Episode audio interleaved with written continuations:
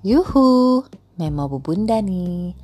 Pastinya akan banyak cerita tentang hari-hari bareng Desan, Dinda Sae, Uma, dan Nesto. Tiga malaikat kecilnya Bubu. Juga ada curhat-curhat ala ibu-ibu deh.